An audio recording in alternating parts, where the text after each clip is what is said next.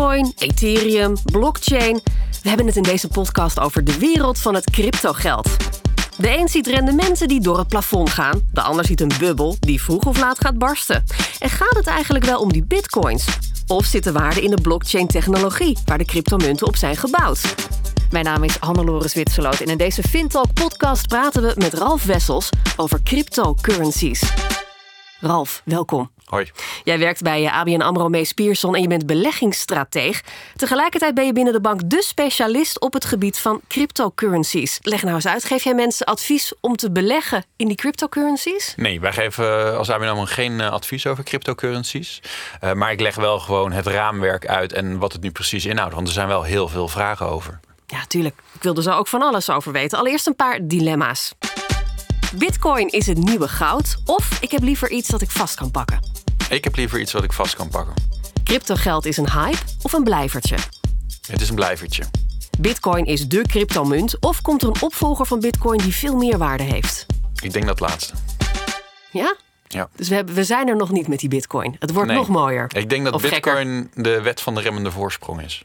Maar het is dus wel een blijvertje. De onderliggende techniek is een blijvertje. Oké, kan je dat kort uitleggen? Wat is die onderliggende techniek? Want dan hebben we het over de blockchain. Eh, zeg maar, cryptocurrencies zijn eh, geënt op de blockchain-technologie. Kan ook voor andere zaken gebruikt worden. Heel simpel, eh, blockchain is eigenlijk een kasboek wat niet gekraakt kan worden. Dus er kan geen fraude mee worden gepleegd. En daarvoor zie je nu ook dat heel veel financiële instellingen ermee bezig zijn, omdat dat ja, zeer aantrekkelijk is. Nou, ik ben natuurlijk als belegger vooral geïnteresseerd in die bitcoin. Wat is dat nou precies?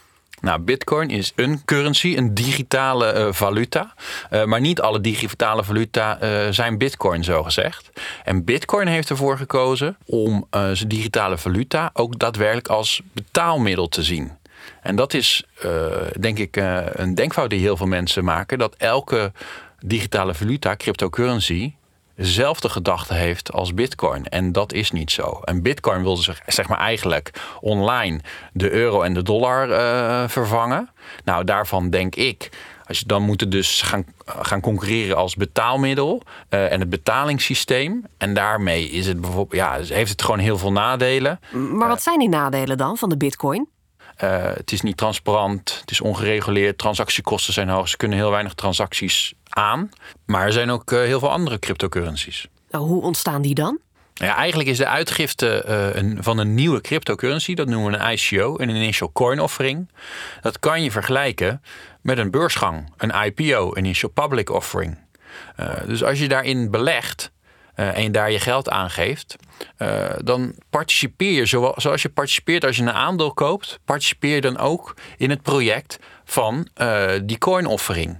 Dus het is eigenlijk min of meer hetzelfde. Alleen het ene is op het internet, gaat digitaal. eh, het is crowdfunding digitaal. En de andere ja, gaat via de beurs. Maar ja, het is natuurlijk een enorme hype op dit moment, de bitcoin. Het lijkt een manier om snel geld te kunnen verdienen. Ja, en daarom, eh, nou dat laat, is dus voor mij een van de tekenen dat, dat het een hype is. Omdat ik zeg altijd maar, als, je het bij, als, de bakker, eh, als het bij de bakker over de bitcoin gaat, eh, dan is het een teken dat je er niet in moet gaan zitten. En iedereen heeft het erover. Ook het feit dat zoveel particulieren ermee bezig zijn. Maar ja, je hoort verhalen van, on, ja, van risico's die gewoon die mensen nemen. Dat kan niet. Die gewoon al hun bezittingen verkopen en het in, in bitcoin stoppen. Ja, maar tegelijkertijd hoor je ook verhalen van mensen die een paar jaar geleden in een gekke bui wat bitcoins hebben gekocht en die nu miljonair zijn. Ja, die heeft het goed gedaan en daarom wil iedereen ze achterna. Het mooiste voorbeeld is natuurlijk eh, een van de allereerste bitcoin-transacties. Eh, twee pizzapunten voor 10.000 bitcoins. De duurste pizzapunten ooit. Maar goed, het is natuurlijk totaal niet de garantie dat we weer die enorme stijging eh, door gaan maken. Dus ja, daar moet je dan toch een beetje voorzichtig mee zijn. Of niet zo simpel redeneren. Toch ben jij enthousiast over cryptocurrencies. Nou, omdat het wel eh, toekomst heeft eh, vanuit de technologie. We zien natuurlijk eh, wereldwijd dat alles digitaliseert. En als we het bijvoorbeeld over een andere cryptocurrency, Ethereum, hebben. dat is eigenlijk een platform waarin, je, waarin contracten worden opgeslagen. Ook weer met die blockchain-technologie die eronder is. Dus het is niet te kraken. Dus daarmee kan je bijvoorbeeld vastgoedtransacties doen. En dat is dan opgeslagen op dat platform. Het is niet te kraken. Nou, als je dat doet, dan eigenlijk vervang je dan de notaris.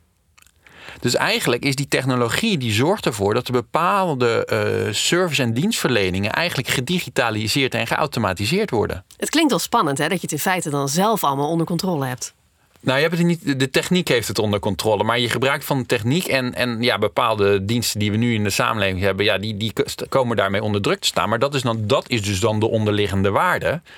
Want de mensen die daar nu hun geld mee verdienen, ja, dat, dat zou, die waarde zou dan vertegenwoordigd moeten worden in die digitale valuta. Ralf, ik wil nog veel meer van je weten, onder andere of je zelf uh, bitcoins hebt bijvoorbeeld. Maar eerst hebben we nog een vraag van een collega. Jasmijn Melsen stelt hem. Zij is specialist op het gebied van filantropie. Luister maar. Hoi Rolf. Ik heb begrepen dat jij veel weet van cryptocurrencies. En ik ben eigenlijk heel benieuwd uh, of je al hebt gezien dat de non-profit sector hierop inspeelt. Nee, dat heb ik eigenlijk nog niet uh, gezien. Uh, maar dat kan, ja, als die ontwikkeling zich verder uh, ontwikkelt, zo gezegd, die technologie, sorry, dan is dat juist wel mogelijk. Uh, want eigenlijk, filantropie gaat erom om geld in te zamelen. En dat is dus de hele crowdfunding gedachte. En die hangt helemaal samen met digitale valuta. Maar in theorie kan een wereldwijd goed doel dus met een eigen cryptomunt komen. Ja, dat is heel goed mogelijk. Maar hoe werkt dat dan? Nou ja, maar dan moet je het veel meer als een uh, emotie-cryptocurrency zien. Want heel veel van die het zijn natuurlijk je participeert in een project. Het is dus geen cryptocurrency om met de gedachte om er winst uh, mee te maken en, en rijk te worden met die cryptocurrency. Want onderliggend gaat het natuurlijk, die filantropische instelling gaat het alleen om het geld op, op te halen. Wat zijn nou de verschillende manieren om te beleggen in die cryptocurrencies? Nou, dat is, die markt moet nu nog eigenlijk uh, opkomen en groeien. Maar waar het mij meer om gaat, is als je kijkt naar de verschillende digitale valuta, de cryptocurrencies, dan moet je elke apart beoordelen. En uh, daarop, op elke uh, valuta, maak je de keuze: vind ik dit bedrijfsmodel goed? Zie ik daar toekomst in?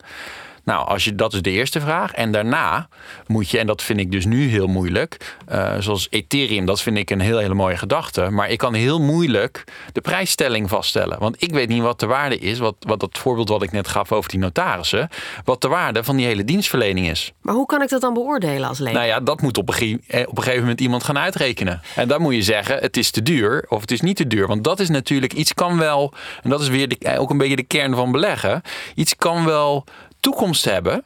Maar als je nu al een te hoge prijs betaalt voor wat het daadwerkelijk waar is, dan kan het wel blijven, maar dan is het te duur en dan moet je niet in beleggen. Nou heb jij natuurlijk alles uitgezocht. Hè? Heb je zelf een, uh, een digitale beleggingsportefeuille? Uh, nee, ik heb geen uh, cryptocurrencies. Helemaal niks. Helemaal niks. om twee redenen. Eh, of nou eigenlijk drie. Bitcoin, daar geloof ik dus eh, echt niet in. Maar er zijn een aantal waar ik wel in geloof. Maar ik kan heel moeilijk, wat ik dus net uitleg, dat vergelijk maken. Ik weet niet wat de waarde is, want je hebt ook andere cryptocurrencies die zeg maar, zoals Bitcoin, uh, beter zijn in het afhandelen van betaaltransacties. Dus die waarde vind ik heel moeilijk te schatten om te bepalen, is het te duur of niet. En ten tweede, um, je moet je eigen cryptocurrencies opslaan. Je bent zelf de bank, zelf de kluis. En dan kan je een digitale wallet aanschaffen. Maar ja, die kunnen gehackt worden. Je hoort ook met dat mensen de toegangscode uh, kwijtraken. dus dat is iets waar ik nog niet. Ik moet ook eerlijk zeggen, ik heb het nog niet volledig uitgezocht. maar ik zit er meer in van. Ik wil het nog even zien ontwikkelen. Omdat ik denk nu ook dat het een hype is. En heel vaak zie je bij ontwikkelingen of nieuwe ontwikkelingen. Zagen we met het internet.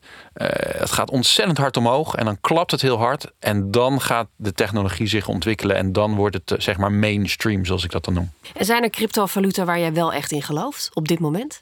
Nou ja, zo Ethereum vind ik een, uh, vind ik een mooie gedachte. Uh, en uh, als je kijkt naar Ripple, dat, dat zit ook, is ook, ook een top 5 cryptocurrency. Die kan bijvoorbeeld meer en sneller betaaltransacties afhandelen dan Bitcoin. En Bitcoin Cash kan dat bijvoorbeeld ook. Oké, okay. heb je tot slot nog een gouden tip voor iemand die denkt: ik wil toch geld stoppen in die digitale valuta en er geld aan verdienen? Nou, zoals gezegd, het is nieuw. Uh, de prijszetting, de markt zoekt nog naar de juiste waardebepaling. En omdat het nieuw is, is het extreem volatiel en extreem risicovol. Dus ja, het klinkt een beetje saai, maar dan moeten we even naar de basisbeginselen van beleggen gaan. Uh, beleg met geld wat je kan missen. Uh, en als je slecht slaapt als iets min 20, min 30 procent doet, en dat doen cryptocurrencies, dan neem je te veel risico. En dan moet je er misschien niet in beleggen. Het lijkt meer op gokken dan op beleggen. Ja, en dat is het. Uh, zo zie ik het ook een beetje. Omdat het zeg maar in een financiële wereld afspeelt, noemen we het beleggen. Maar dat, zo zie ik beleggen niet. Beleggen is dat je fundamentele analyses doet. Je hebt een visie en daar geloof je in. En uh, het is helemaal niet erg als jij een beleggingsportefeuille hebt. En je gaat met een paar procent van je beleggingsportefeuille. Uh, of een paar honderd of een paar duizend euro, ligt eraan hoe groot die is. Daar lekker mee spelen. En daar, dat je bereid bent dat allemaal te verliezen. Nou, dan ga je gang. Maar, uh, en als jij dat beleg wil noemen, mag je dat beleggen noemen. Ik noem dat geen beleggen. Maar ja, dat is gewoon lekker spelen. Maar de kern en het allergrootste gedeelte van je portefeuille, als je dat uh, nodig hebt om straks met pensioen te gaan of eerder, of, of, of een appeltje voor de dorst, doe dat nog gewoon lekker op de ouderwetse manier in aandelen en obligaties. Ralf Wessels, dankjewel. Je luisterde naar de FinTalk podcast van ABN AMRO Mees Pierson over cryptocurrencies. Meer weten of luisteren naar een andere aflevering van deze podcast? Ga dan naar abnamro slash fintalks of naar je favoriete podcastplatform.